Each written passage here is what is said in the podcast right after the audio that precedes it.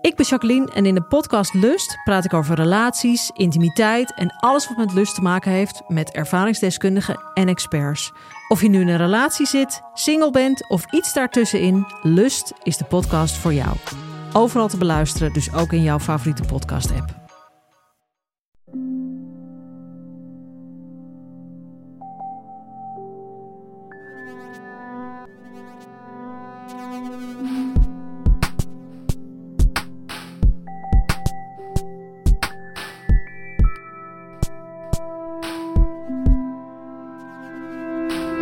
Dit is Relaas, waarin mensen een verhaal vertellen over iets dat ze zelf hebben meegemaakt.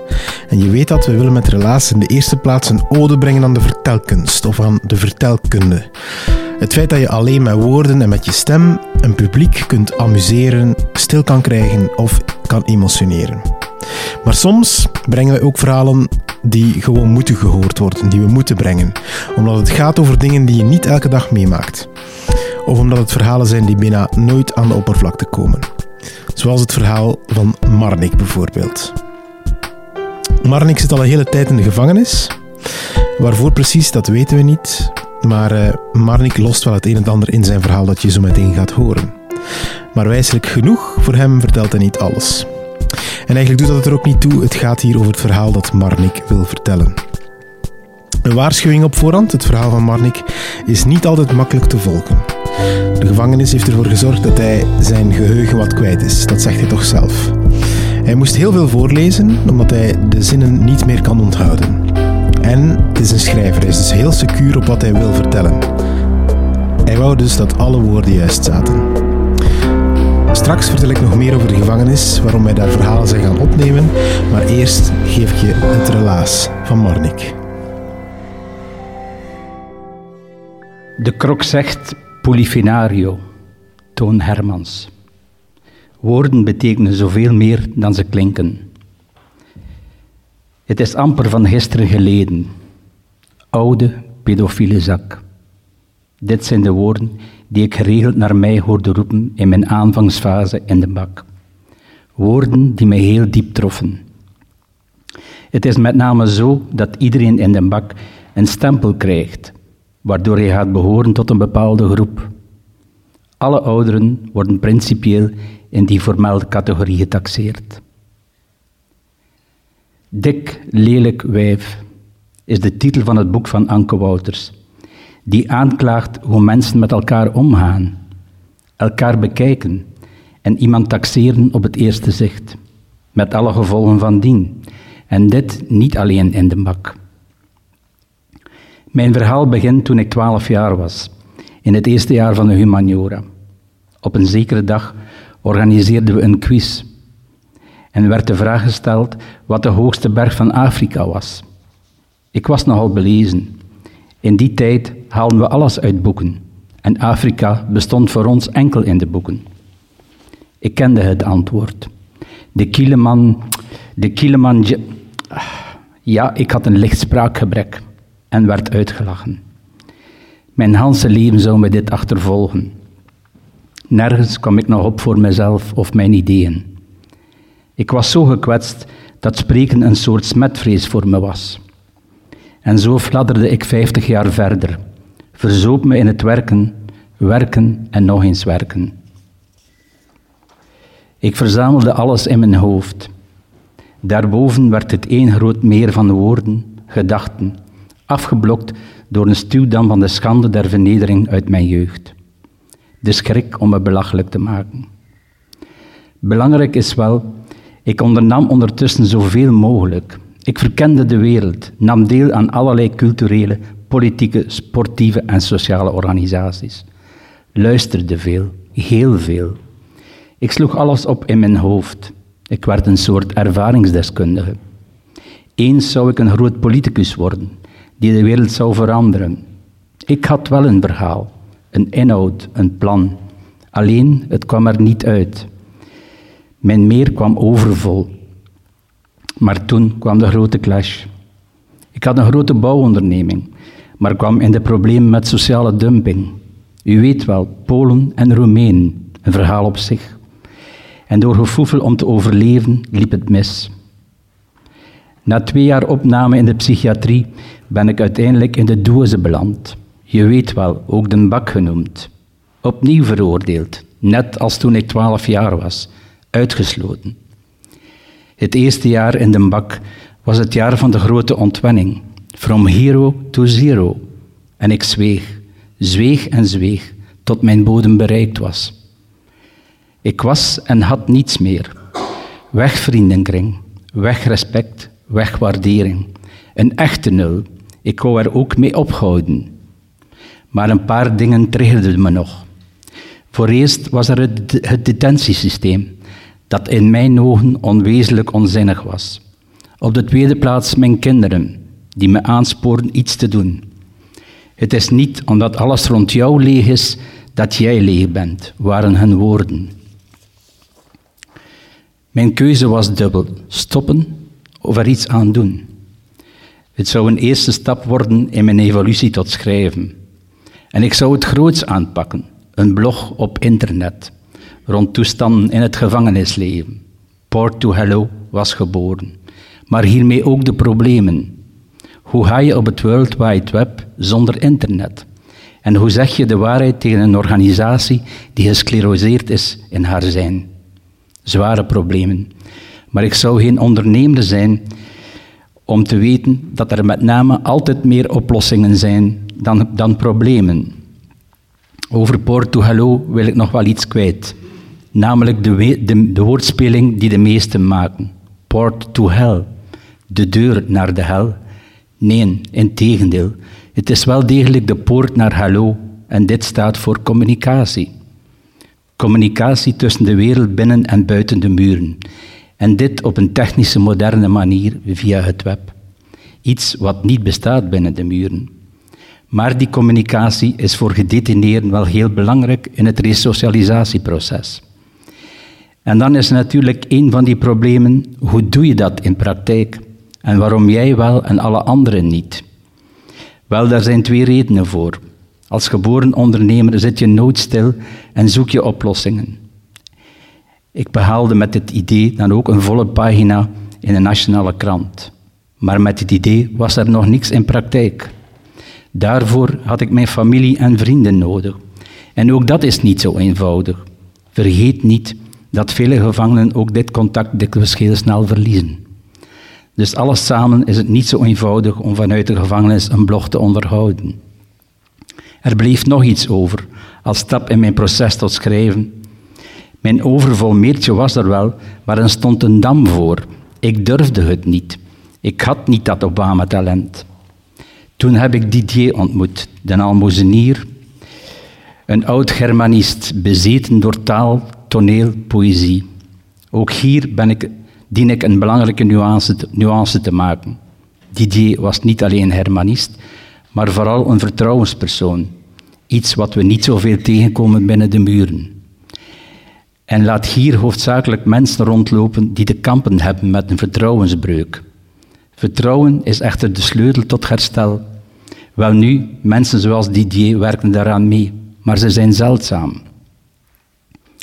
Ik sprak over mijn probeersels en vroeg hem zijn advies over mijn pogingen. Ik sprak hem ook over mijn angsten en frustraties.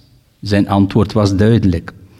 Het is niet om u te plezieren, maar je hebt iets.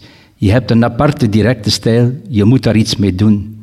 En vooral, schrijven zal je deugd doen. De dam barstte en mijn eindeloos meer begon leeg te lopen, steeds sneller en sneller. Al snel werd Porto Hello gelezen door tienduizenden. Niet alleen omwille van mij, maar om de verhalen van binnen de muren. Was het ware interesse of ramptoerisme? Ik weet het niet, maar ik wou verder gaan dan alleen maar schrijven rond negatieve zaken. De positieve ontmoeting met een van mijn cipiers triggerde mij een apart verhaal te starten. Het verhaal van de dubbele liefde. Dit wil zeggen, zie een ander zo graag als jezelf.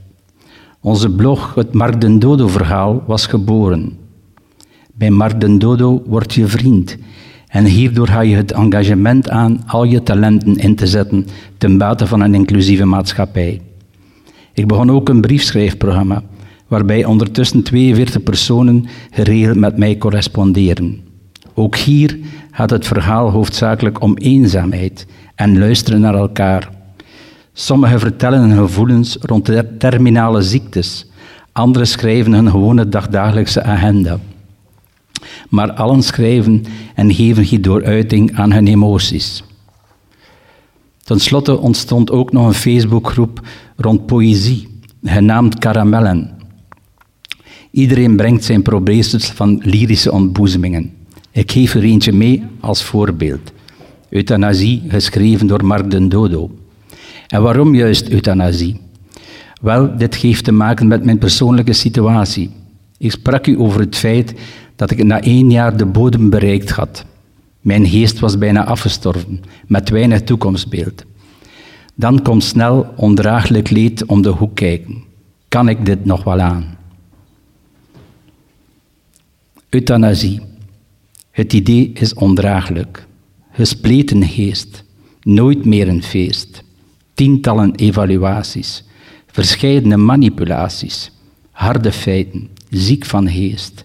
Shocks. Zware medicatie. Ergens die zelfmeditatie. Ooit moet het ophouden. Vast beslist, dit moet overgaan. Mens nam vrede. Mens heeft daar iets aan gedaan. Er is nog één belangrijk punt dat ik wil aanhalen rond mijn schrijven, namelijk het grote voordeel van in de bak te zitten. Ik verklaar me nader. Het feit van het afnemen van je vrijheid degradeert je tot een zero. Je bent en hebt niemand meer na verloop van tijd. Maar als je niets meer hebt, heb je ook niets te verliezen. Je hebt geen positie meer te verliezen, geen naam, geen faam. Alles is weg. En dat juist maakt je zo vrij. Geen angsten meer, zelfs niet voor de dood. Totale vrijheid van geest. Mijn hoofd heeft de vrijheid genomen om zich niet langer te frustreren en te complexeren. Mijn ijskoude meer was omgevormd tot een kolkende rivier, bron van wijsheid en blijheid. Maar hoe gaat dit in praktijk? Kwart voor zes is de aflossing van de nachtwacht en dan is het feest. Iedereen wakker, maar voor mij geen erg. Dan zijn mijn hersenen opgeladen, geprikkeld. Ik lig al klaar te piekeren, trek het gordijn open en start al in mijn bed. Stel je zich niet voor dat er een groot bureau, een expressomachine, een croissant en dito staat te wachten. Ook de muren zijn sober en kaal. Ik spuug allerlei woorden op papier en zinnen, kriskras door elkaar. Mijn brains koken over. In een tweede fase order ik een en ander, om tenslotte teksten te maken rond bepaalde thema's. En zo gaat dit door tot zeven uur s'avonds. Een dagtaak, geen tijd voor iets anders. Ik vertel u dit omdat ik wil uitleggen hoe moeilijk ik het heb iets te onthouden. Maar toch wil ik schrijven, want dit is voor ons allen zo belangrijk. Neem het dus me niet kwalijk als ik u alles voorgelezen heb. Mijn geheugen laat me zo in de steek sinds ik hier ben. Ik, spreek, ik sprak zo'n duizend woorden uit. Meestal onthouden mensen slechts 5% hiervan. Maar wat ik hoop is dat jullie vooral onthouden om zelf te schrijven en zo uitdrukking te geven aan uw gevoelens. Wij hebben allemaal zo onze eigen reden om te schrijven. Maar één zaak is zeker: negeer uw gevoelens niet. Breng uw verhaal. Dank u.